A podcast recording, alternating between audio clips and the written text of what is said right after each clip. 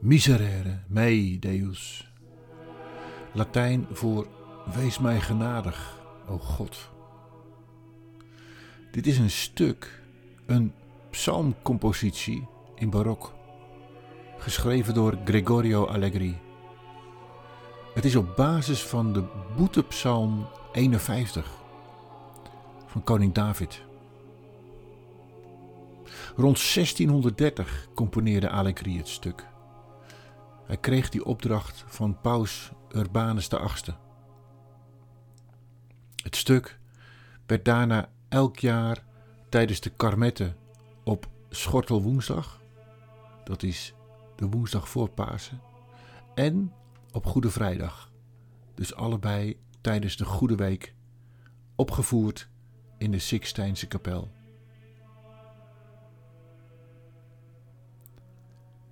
Het wordt gezongen door een koor, bestaande uit een groep van vier en een groep van vijf zangers, een Gregoriaans koor. De groepen zingen afwisselend Gregoriaanse en polyfone zettingen van de psalmtekst.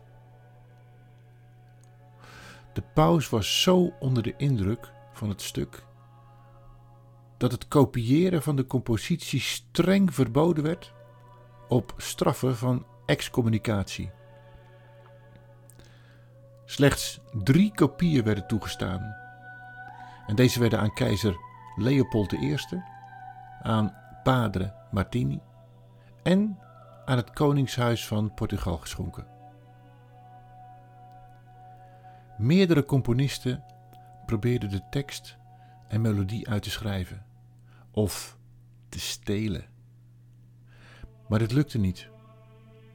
Totdat in 1770 de toen 14-jarige Wolfgang Amadeus Mozart Rome bezocht en de metten van de Schortelwoensdag en Goede Vrijdag bijwoonde. En hij bleek wel in staat om de tekst en compositie achteraf uit te schrijven en begon zelf het stuk in Wenen op te voeren. Stel je voor, op 14-jarige leeftijd is hij in staat het geheel na twee keer te hebben gehoord over te schrijven.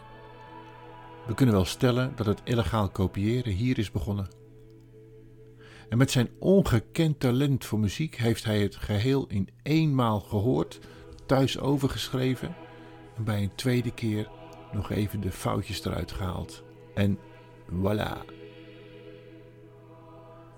Het muziekstuk wordt gepubliceerd en Mozart wordt door de paus ontboden in Rome.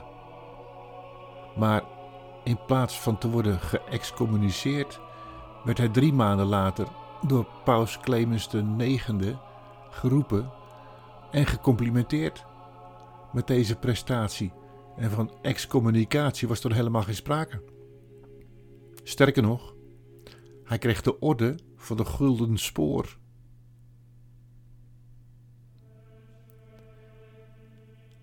Even over de psalm.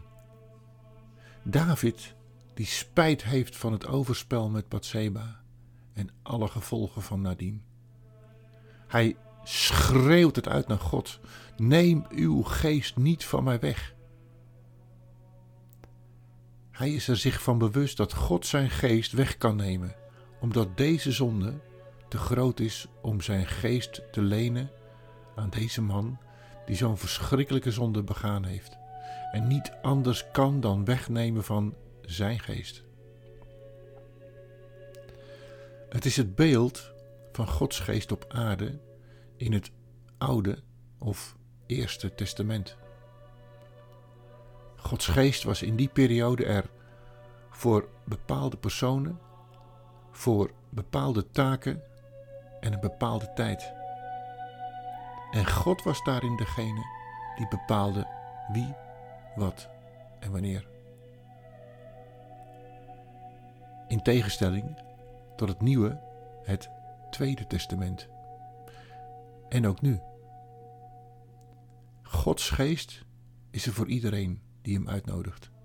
Voor altijd en voor het vullen van de taken die jij in je leven hebt. Natuurlijk is het wegzenden van zijn geest uit je leven, of de heimelijke zonde, een mogelijkheid om zijn geest in de weg te lopen. Maar weet dat het maar één gebed ver weg is om zijn geest weer uit te nodigen en jou te laten helpen in jouw omstandigheden. Waar David bang voor was, het weggaan van zijn geest, is niet gebeurd. David blijft ondanks de grote fouten in zijn leven een man naar Gods hart. Net als jij, als ik, als iedereen.